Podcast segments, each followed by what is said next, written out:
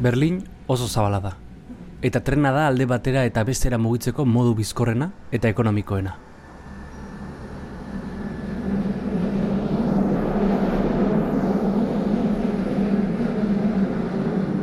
Nola edo ala zeline hartu behar dugun dezifratuta, bagoaz mendebalden utz.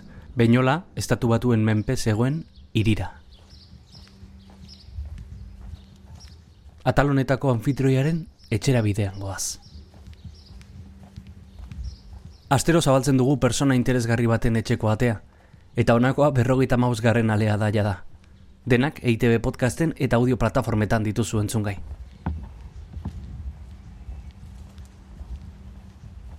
Apenas dago jendea kalean, hauzune lasaia da hau. Trafikoa moztuta dago, herrilan batzuk medio, eta txoriek udaberria salatzen dute zuaitzetatik. Eraikuntza oso berezia da, emeretzigarren mende amaierakoa. Gerra hundiko bombardaketetatik libratu zen bakanetakoa. Kaixo, Kamara eta guzti, eh? sartu barrura Bai? eta gero eskilleretatik igo lehenengo pisura, bale? Bale.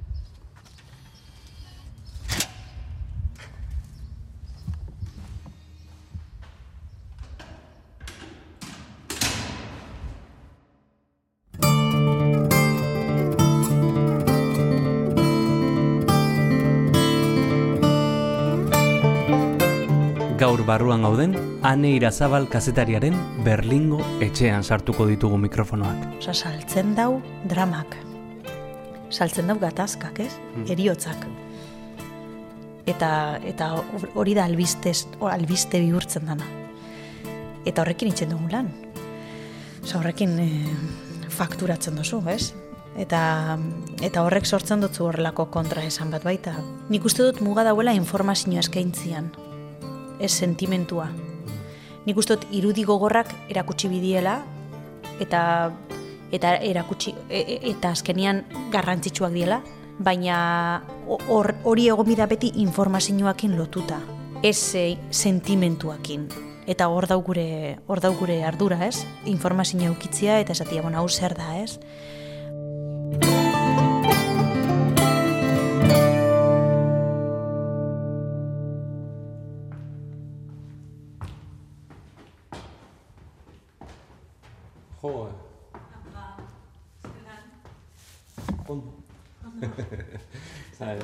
Ez ditut demorak ondo kalkulatzen trenekin eta... baina- Niri beti pasetan.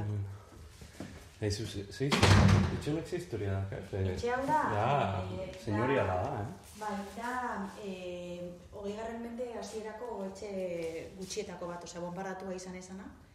Eta gero, Berlingo arrezisa erosi- erori zanean, e, familia batek erosi zauen eraikin guztia.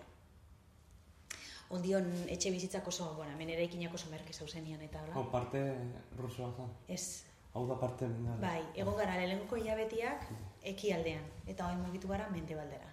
Ze diferentzia da. E, bueno, arkitektura nabaritzen da, asko, bai. Eta gero adibidez ekialdeko partian tranbia da, mendebaldian ez. E, hauzo honetan komunitate errusiarra handixa dau. Jente asko etorri zelako errusiatik baita bere garaian, e, bueno, hemen inbertitzera. Eta, bai, ge- gehien bat arkitektura nabaritzen da zen, mende, ekialdeko aldia, hau da, e, Amerikano. Errepublika Sozialista sana, Ah, hori. Bai, Errepublika Sozialista sanak dauko oso oso arkitektura sovietikoa. Mhm. Bai. Gorzu kafe bat? Bai, hartuko zut. Mila sortzirun da larogeita zazpian eraiki zen etxe hau, eta zabaiak oso altuak ditu. Horregatik entzuten da eko moduko bat elkarrezketa osoan zehar. Egon gelan, mai handi bat dago, eta bertan jarri ditugu mikrofonoak. Bat biru lau, bat biru lau, bat biru lau, bat biru lau. Urteak daramazkian irazabalek eite berentzat korrespontxal lanak egiten. Palestinan, Italian, eta orain Berlinen. Baina duela gutxi, Kieben bertan izan zen, Ukrainan. Hain zuzen ere, gerrak estanda egin zuenean. Goguan daukot, e, gaba hortan, zuzenikuak genitxula telebistarako, eta gu gingo zen Hotel Ukrainen, dala oso hotel mitikoa Maidan plazan dauena, amabi pixukua, sovietarra, eta han gingo zen kasetari asko asko, em, ba, balkoitik zuzenekuak itxia oso erresa dalako Maidan plazara, ez? Eta orduan, ba, kazetari askoren tokia da Ukrainera joaten dienean, ba, bueno, hor kamera planta eta Mhm. zuzenekoak itzen dituzulako Maidan plazara. Bai.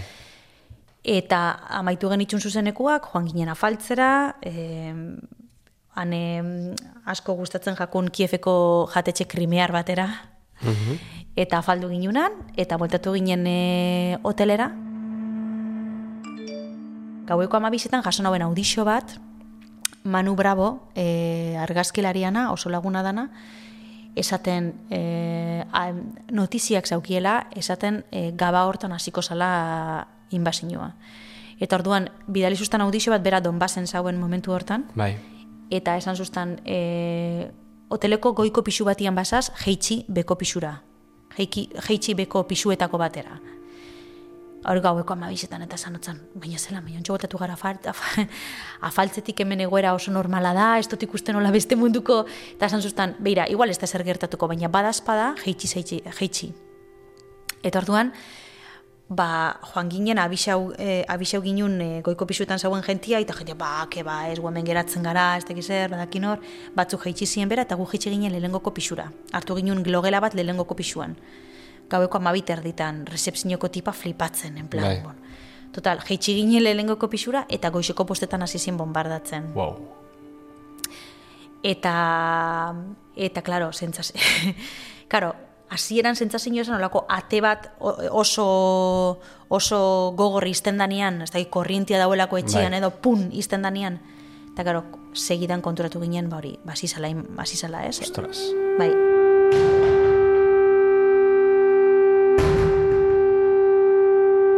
Eta hor, eh, otzikara, ez? Ez- bai, eta hor momentuan, bueno, Ostras. bai, esaten duzu, ostras. Ze, klaro, gainera ni aurdun egon da, e, esan hauenian berriro bueltatuko nintzela kiebera, e, jendeak esatu zuten, baina, bueno, baina zuzoratuta zauz, ez da Ja. zer, eta nik esaten bueno, a ber, kiefera noia ez noia donbasera. E, argi naukon donbasera joateko e, ez, ez ninguela prestatuta, e, esaten nagoelako, bueno, edo zer gauza gertatzen bada, e, ospitxal bat, ospitxal bat eukibiot urbil, ez? Bai. Osa, behintzat eukibiot ospitxal bat, nun badakitxeten alnazela joan, zerbait gertatzen bada, eta ez dena, bueno, ba, hor Kiev, Bai. ba, ez dut ikusten arazorik urotezan. E, orduan, jente danak sartzen zuztan horlako presio bat esaten aurdun egon da zeitzen hauen nik Ja. Ukrainan, baina ni, nire erantzuna beti zan, ba, bueno, baina Kiefen nao, Kiefen ez da ezer gertatzen, ez?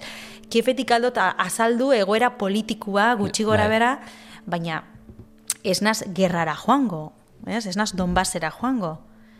Baina, klaro, gero azkenean konturatzen zara gerra be Kiefen dauela, edo Claro. gerra Kiefen hasi dala baita, ez? Eta orduan esatuz, ostras, eta oin zer, ze alde batetik gurozu kontatu, beste alde batetik zure burua zaindu biozu, Hmm. eta beste alde batetik konturatzen zara ezin, ezin, ezin zarelan, osea, ezin, ezin zarela geratu. Kontra esan asko. Bai, asko, asko, asko, eta esatuz, ostras, tio. Eta oin zer, ez? Nola moldatuko gara, zein gau, e, nola aterako naz hemendik, eta liberian nola kontatukot. Hmm. gainera, momentu hortan sentitzen zara txarto, ze zuk daukotzu izaki bizidun bat zure barruan, baina ez usaz pentsatzen nola kontatuko zuen hau, ze da bilen gertatzen, E, orduan, e, bai, oso, oso momentu zauruak. Bai, hau kontau, hau etorkizunean, bai, asimilatu bikot, eta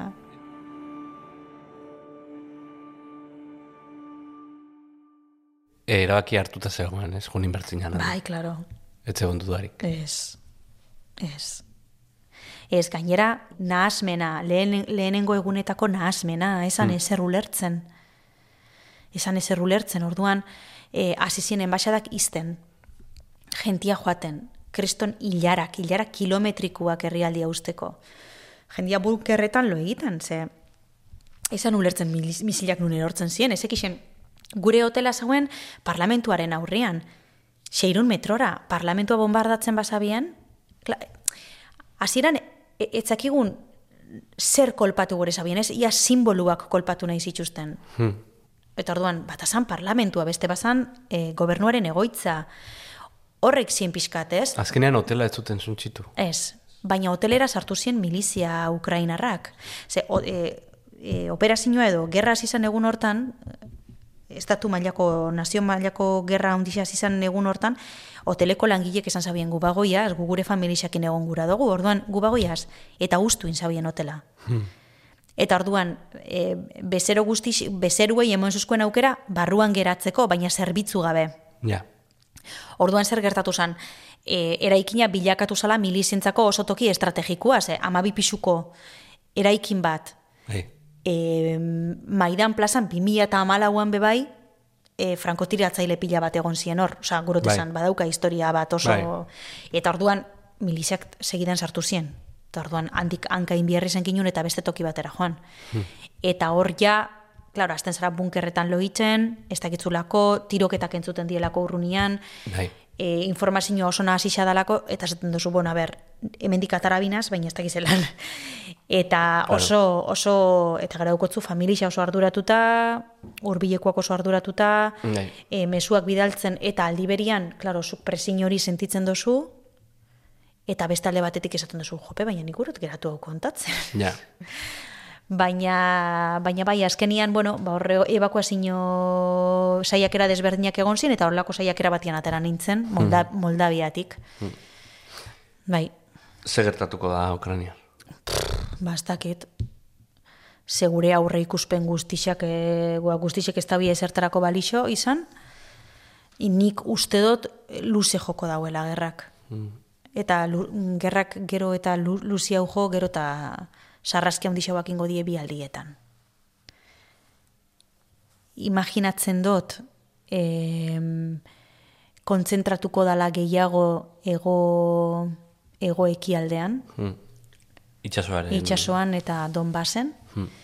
E, baina egia da Putin ez bere helburuak lortzen eta azkenian hartz zauritu bada. Eta hartz zauritu bat ba igual edo zer gauza egiteko gai da. Orduan ni ja ez dut pastertzen mm, eraso kirurgiko komatxo artean nuklear bat Ukrainako toki konkretu batean. Em, ez dakit, ez dut, ez dut oso itxura ona hartzen kontu honi. Estatu batuen posizioak eta mendebalderen posizioak ere beldurra ematen du, ez? E, Bai. Orain dela gutxi ez genuke esango, baina hirugarren gerra mundiala aukera posibletakoa da. Bai. Bai, eta gainera dana dago estatu batuetako egoera privilegiatu batetik e, ikusita, ez? Azkenian, e, Irakekin edo Afganistanekin alderatuz, gerra hontan ez dituzte soldaduak bidali eta bidaliko, Hmm. Orduan estrategia da armak bai bidaltzea, baina jokusikina Ukrainerren esku ustia. Eta gero bai egia da inflazioa pairatzen da bitzela, baina ikuspuntu energetikotik oso egoera honian daz, eta ez da bitzkerraren e, ondorioak hainbeste ordaintzen. Ez, Orduan, estatu batuek gerrak beti oso urrun izate dituzte. Bai, baina klaro, soldaduak bidaltzen dituztenian beste gauza bada. Mm. Ze hor e, bajekin e, presiño soziala handitzen da, ez? Vietnamen kasuan, Iraken kasuan, Afganistanen kasuan, baina oin ez da, bitz, e, ez da hori estrategia. Eta orduan ikusten gabitzena da, hemen e, pre- presio handixena ordainduko dauena, zalantzari gabe izango die Ukrainako eta Errusiako zibilak, Mm.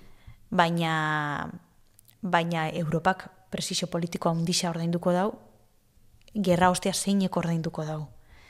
E, eta, klaro, hor estatu batuen ikuspuntua da, bai, oso, oso sinikua, ez? Eta gainera, nolabait, hor, gerra honek berpiztu dau NATO, ez? Mhm. Egon dana azkenen gurtietan, ziaro, ba, koma, koma egoera batian, Bai. ez? Jente danak izaten, bueno, honek zertarako balixo dau.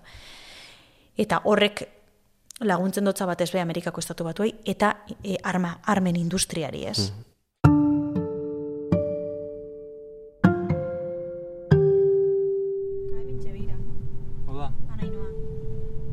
Elkarrizketa grabatu bezperan, Irazabal eta Cosimo Karidi, bere bikote eta lankidea, erreportaje bat egiten grabatzeko aukera izan dugu.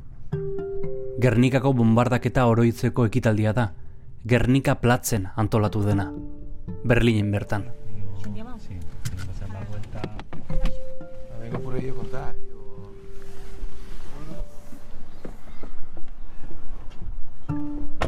Berlingo Euskar, Euskaretxearen izenean, ongietorri ematen dizuet Berlingo Gernika latzera. Larogeita bost urte, bete dira apilaren, apirilaren hogeita zeian, Alemaniako Legion Kondorrek eta Italiako abia, aviazione legionariak Gernikako sarraskia burutu zutenetik.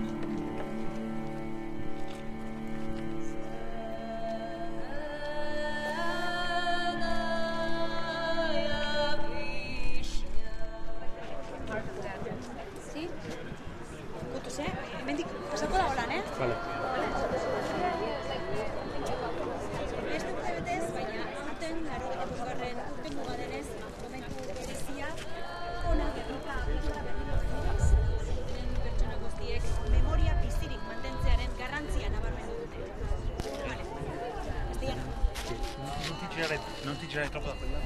Ah, non mi giro? Ma facciamo scheda un'altra volta? No, no, va bene così, però non ti girare troppo.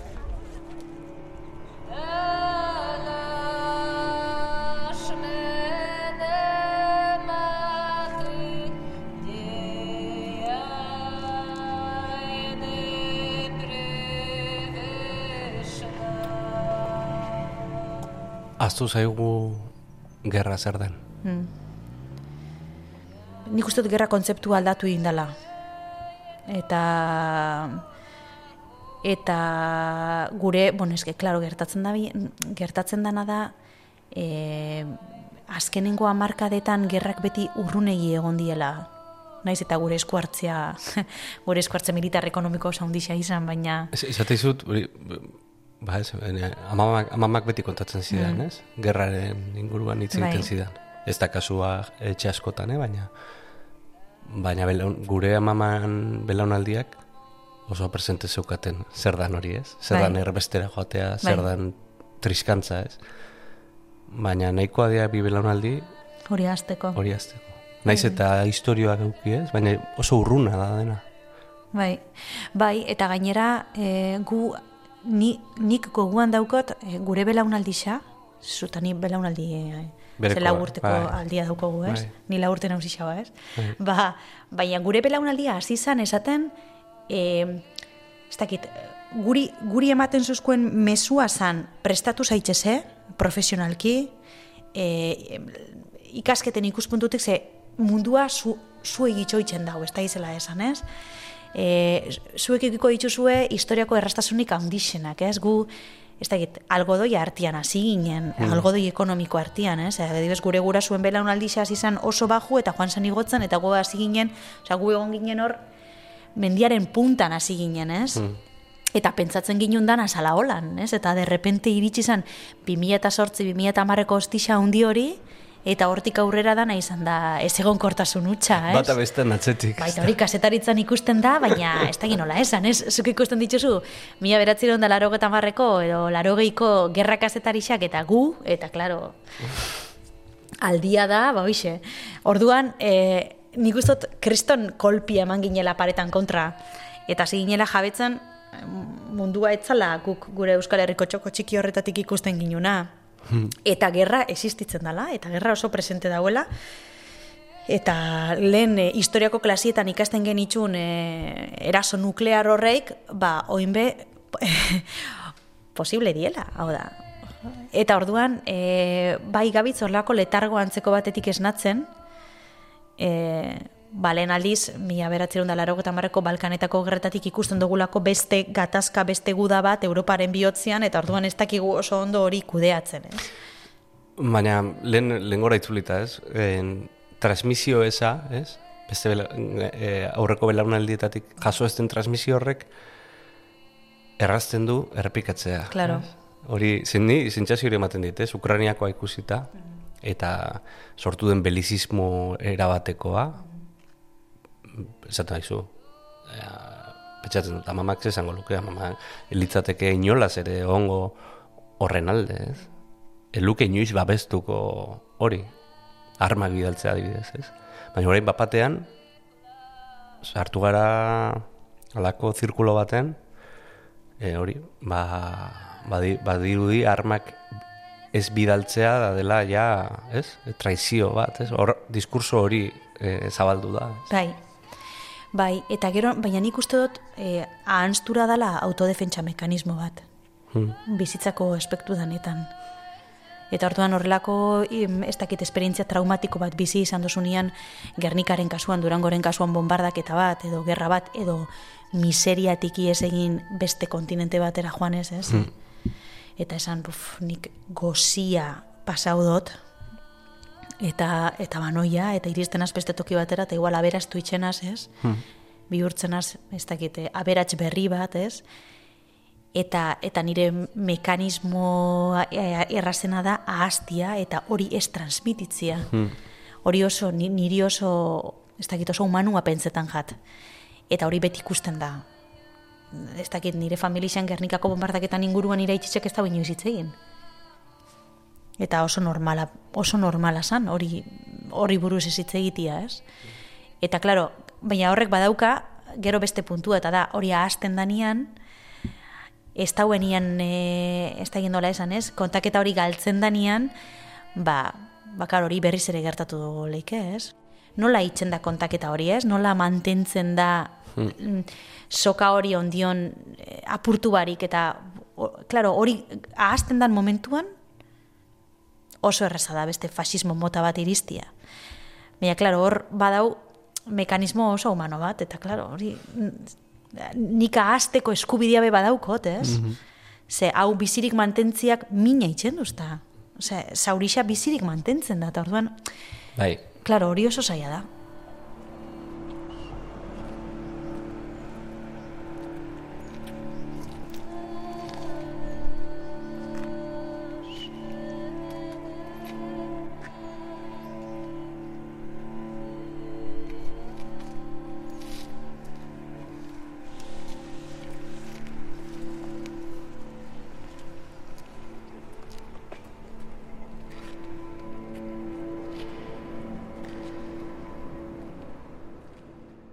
Gerra kazetariak, korrespontxalak, beti kanpoan daude, atzerrian.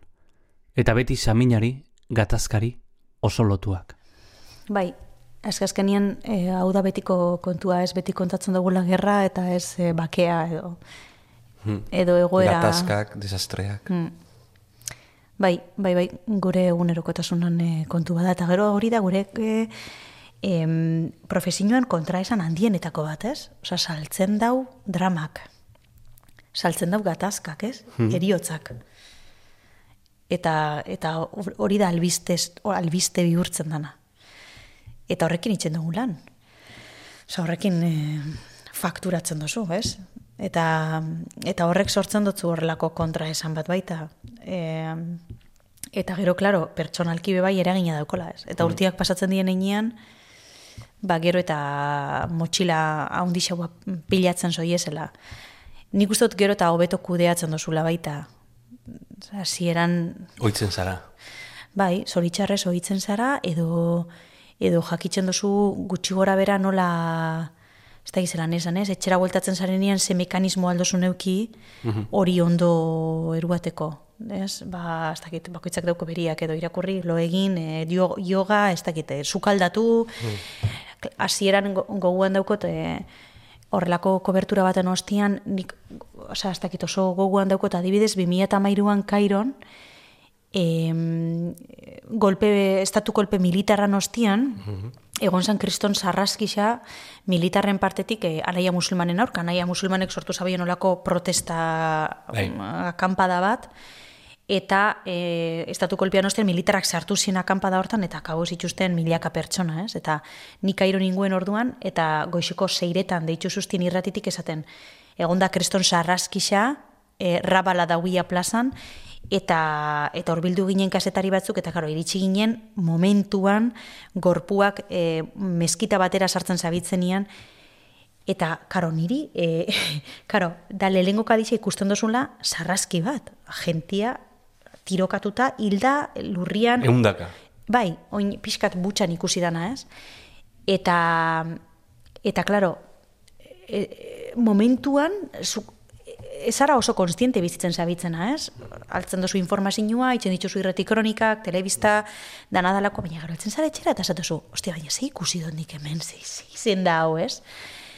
Eta hor oso gaztia nintzen, osea, hasi berri zen nintzen gutxi gora, bera, orduan, e, horrek, horrek bai, e, Osa, biozu denpora hori dan asimilatzeko, ez? Edo 2008ko gazako gerran e, ondartzan jolasten zabitzen lehenguzu batzuk akabo zituzten mili, e, mi, e, misil batekin e, eta gu gingo zen hor ondartzan aurrian zauen eraikin batian, ordan joan ginen korrika batian, eta Osa, badauz, e, momentu pasarte batzuk ez dakitzunak zergatik eragiten dutzuen beste batzuk baino gehiago.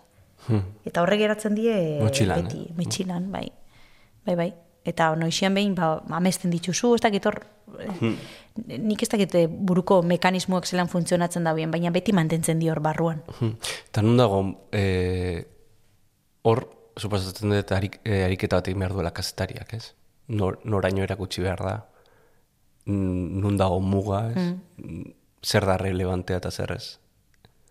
Nun dago morboaren da albistearen arteko, ez? Ze askotan ez da hain garbia, ez? Muga hori. Nik uste dut muga dauela informazio eskaintzian, ez sentimentua. Nik uste dut irudi gogorrak erakutsi bidiela, eta eta erakutsi e, e, eta azkenian garrantzitsuak diela. Em, baina baina hor hori egon bida beti informazioakin lotuta. Ez em, ez e, sentimentuakin. Eta hor dau gure, hor dau gure ardura, ez? Informazio eukitzia eta esatia, bueno, hau zer da, ez? Askotan, e, nik uste dut, gerra handi bat kontatzeko modu garrantzitsuena da mikrora jotzia, ez? Historixetara, historia batera jotzia. Nik uste dut, kasu honetan adibidez, Ukrainako gerran BBC-ren, askotan gorra ipatzen da BBC-ren lana, baina dabil izaten oso oso onaz. Hartzen dituzte historia konkretu batzuk, zer gertatu jakon, mm, kotxe barruan zauen bikote konkretu horri, ez? Eta horrekin kontatzen duzu gerra guztia. Eta batzutan barruko irudixak, edo han agertzen dien irudixak oso gogorrak die, baina askotan egoera testu inguru handi bat kontatzeko txikira jotzea oso garrantzitsua izaten da, eta batzuetan e, irudi gogorrak asaltzea biharrezkoa da. Pandemiaren kasuan, hau oso polemikoa izan zen, ez? Isa, aber, karo, niri pandemia tokau jaten e, Italian, Bai. Italia izan zanean Europako lehen herrialderik kolpatuena, esan Bai. ezer ulertzen, oso gogorra izan zen hasieran, ze sentitzen zan pixkat ardura hori, etorkizunetik hitz egitean ardura, ez? Esatiana, hemen gertatzen da bilena, Euskal Herrian gertatuko da hamar egun barru, orduan, kontuz, ez?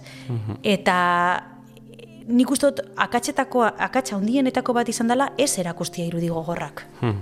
Erakustia, ba hori, e, hortzadarrak eta dantzak eta eta erakutsi bizien irudi gogorrak, kontestualizatuta. Gertatzen dana da hor tokian tokiko agintariek etzabiela nahi desastre bat zalako gertatzen zabiena. Hmm. Eta inork ez bere lotxak erakutsi nahi, ez? Horrelako egoera batian. Baina jentiak virusaren e, nik uste dut e, arriskuaz ez e, konturatzeko arrazoietako bat izan zela virusaren benetako gogortasun hori ez erakustia. Lehen aipatu zu gauza oso interesgarri bat, eta da sentimendua ez, Mm. informazioa bai, ez? Mm. Baina hori nola egiten da, ze gerra bat irrazionala da. Bai. Ez da, e, gerra batean e, dana bihurtzen da sentimendu, ez? Mm. Nola, nola lortzen da hori? Posible da? Bai, nik uste dut baietz. Azkenian, egia da dena, gerran dana bihurtzen dela sentimentu, e, baina guk beti ikubi dugu kontuan, gu ez garela gerra, gu ez garela gerra horren biktimak, guk kanpotik ikusten dugun, osea, guk, kanpotik dena haus, e, hausnartzeko edo asaltzeko gauzen begia gare, ez?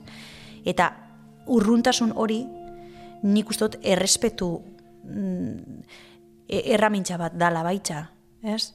Azkenian, e, ezin gara jarri euren parian, ez gauzelako euren parian, ikuspuntu privilegiatu batetik ikusten gabitzelako dana, eta urruntasun horrek bai ematen dutzu aukera bat, esateko, bueno, a, e, familia honi paseu jako nau zelan gertatu da, e, nola izan da, gauzak errekonstruiru, begiratu zelan aldanein, eta eta ez kontatu dana sentimentutik, ez biktima baten adibidez sentimentutik.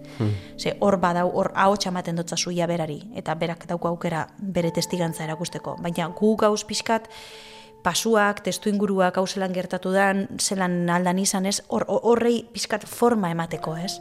Klabea igual da distantzia, ez? Nola Bai. mantendu distantzia hori? Bai, nola mantendu distantzia hori, eta nik uste du distantzia beharrezkoa dela, ez?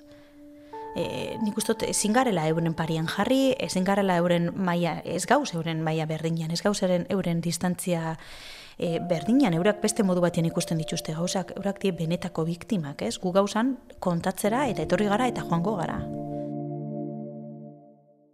Baina ba, norba, norbaite konfunditu dezake distantzia ekidistantziarekin. Be bai, bai, egia da. Eta hor, klaro, kazetari bakoitzaren bai, sentikortasuna dau. Eta nik uste dut baita e, e, prestatuta joan bigarrela gauza kontatzera.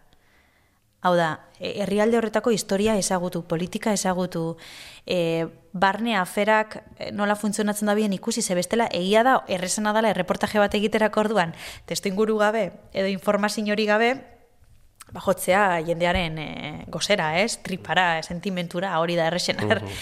Erreportaje horiek egitea errexenak die.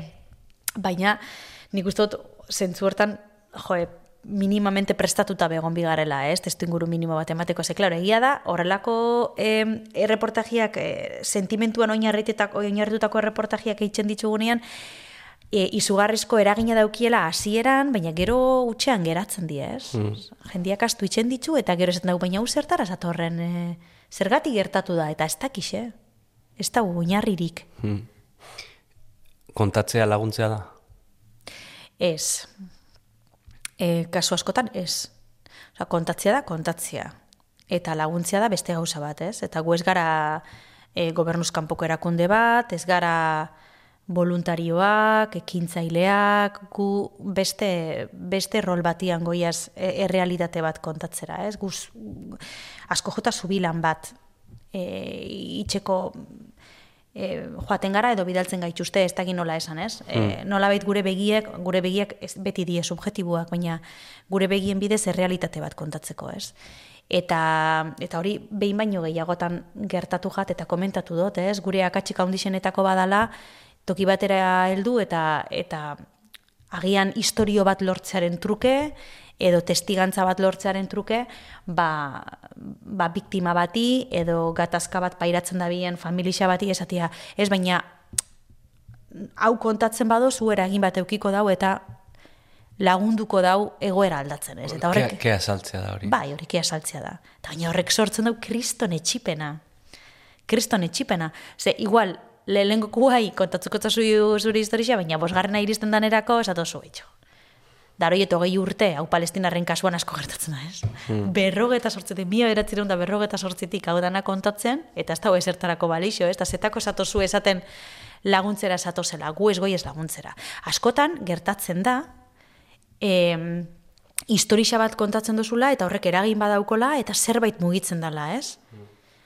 Adibidez oin, e, pasau jaten gauza ba, politxenetako bat izan da, hemen Berlinen kontatu egin nula emakume Ukrainaren e, salerosketen e, kasuak, eta nola aktibatu dien hemen mekanismo batzuk Berlinen eta Alemanian hori ekiditeko, eta ikustia, ba, jentiak idazten dutzula Euskal Herriko txoko desberdinetatik, eta beste hainbat okitatik esaten, abegira, ba, guk be martxan jarri ditugu mekanismo horreik, hemen be hori ekiditeko, ez? Eta jo, zentzu hortan esaten duzu, ostia, ba, ze politxa, Bai. ez?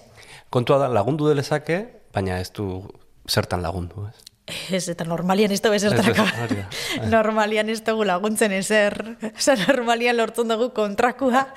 Ze gero gainera, askotan kasetarisen artean esaten dugu, beti gabiz ordaintzen beste kasetari batzuekin dituzten akatsak, ez? E, iristen zarazu eta zu iristen zarenerako pasatu die beste hogeta bost, Mm.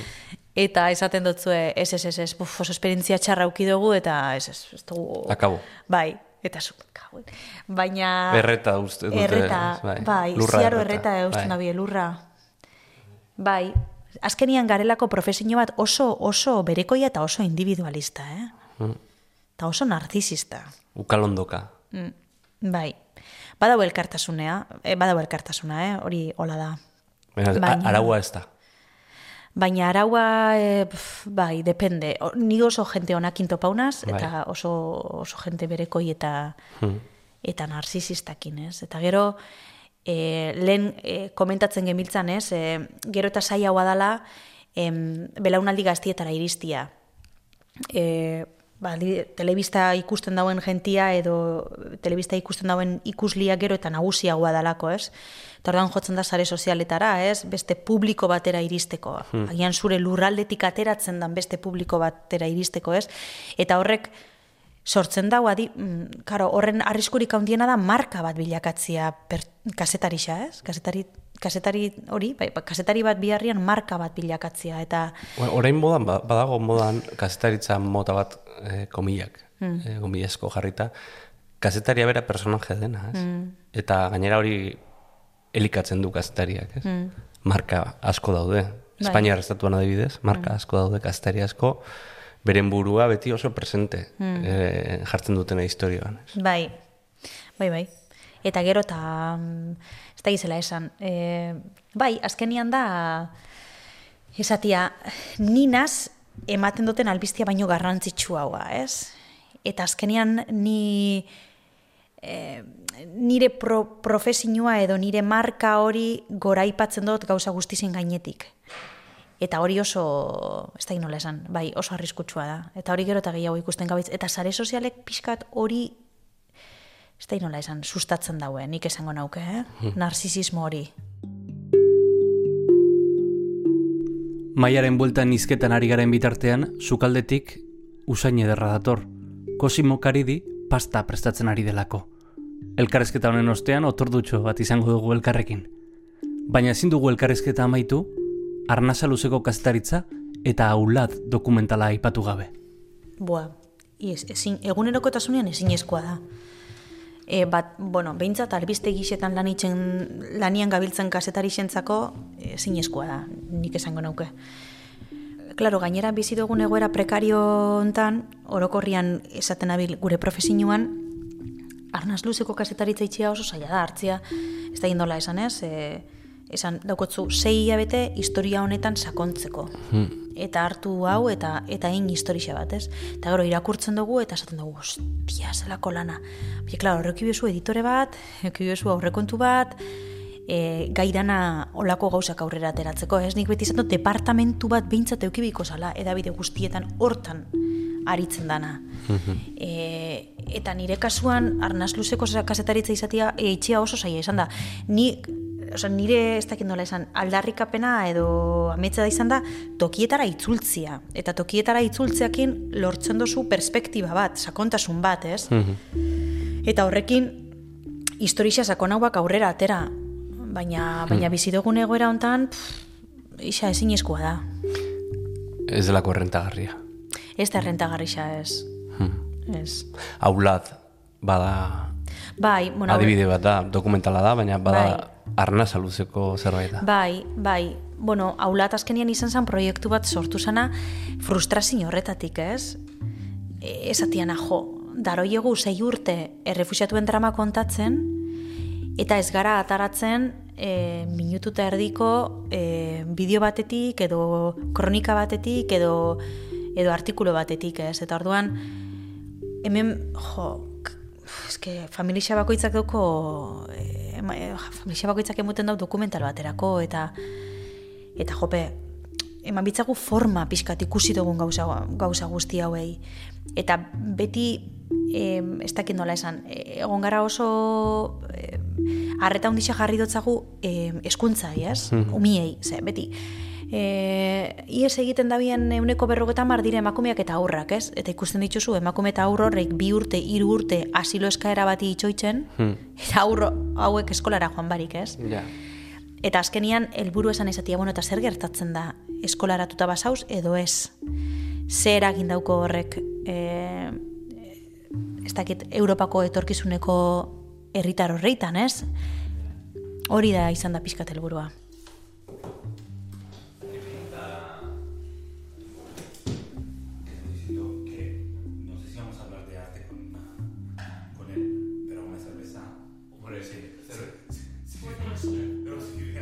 Ikusten duzu zure burua gerrak urritzen berriz. Bai, zerratik ez. Bai, aber ni ez naz gerra kasatari bat, eh? Mhm. Baina, baina sortzen bada, ba, ba imaginatzen du baietz, bai. ez dakit, eh? ez totolan, eh? baina baina bai, sagurot esan gatazka bat egoten bada ni nauen eremuan inguruan, ba, bai, ikusten dut nire burua bertan, bai. Eskerrik askoan, eh? Etxeko atek saltzeatik. Zeu egitortziagatik.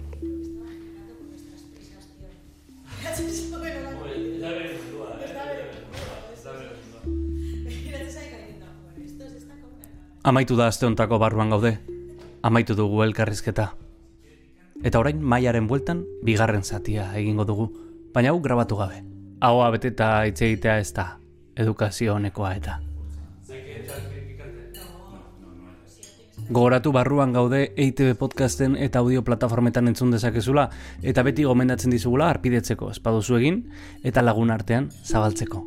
Gainera Twitterren eta Instagramen ere topatu gaitzakezu abildua barruan gaude bilatuta. Alaber gogoratu lankide eta lagun John Martijak podcast honen bikia egiten duela gaztelaniaz. Estamos dentro. Ura ere bide beretan topatuko duzue. Besterik gabe, datorren astera arte eta besarkada bat.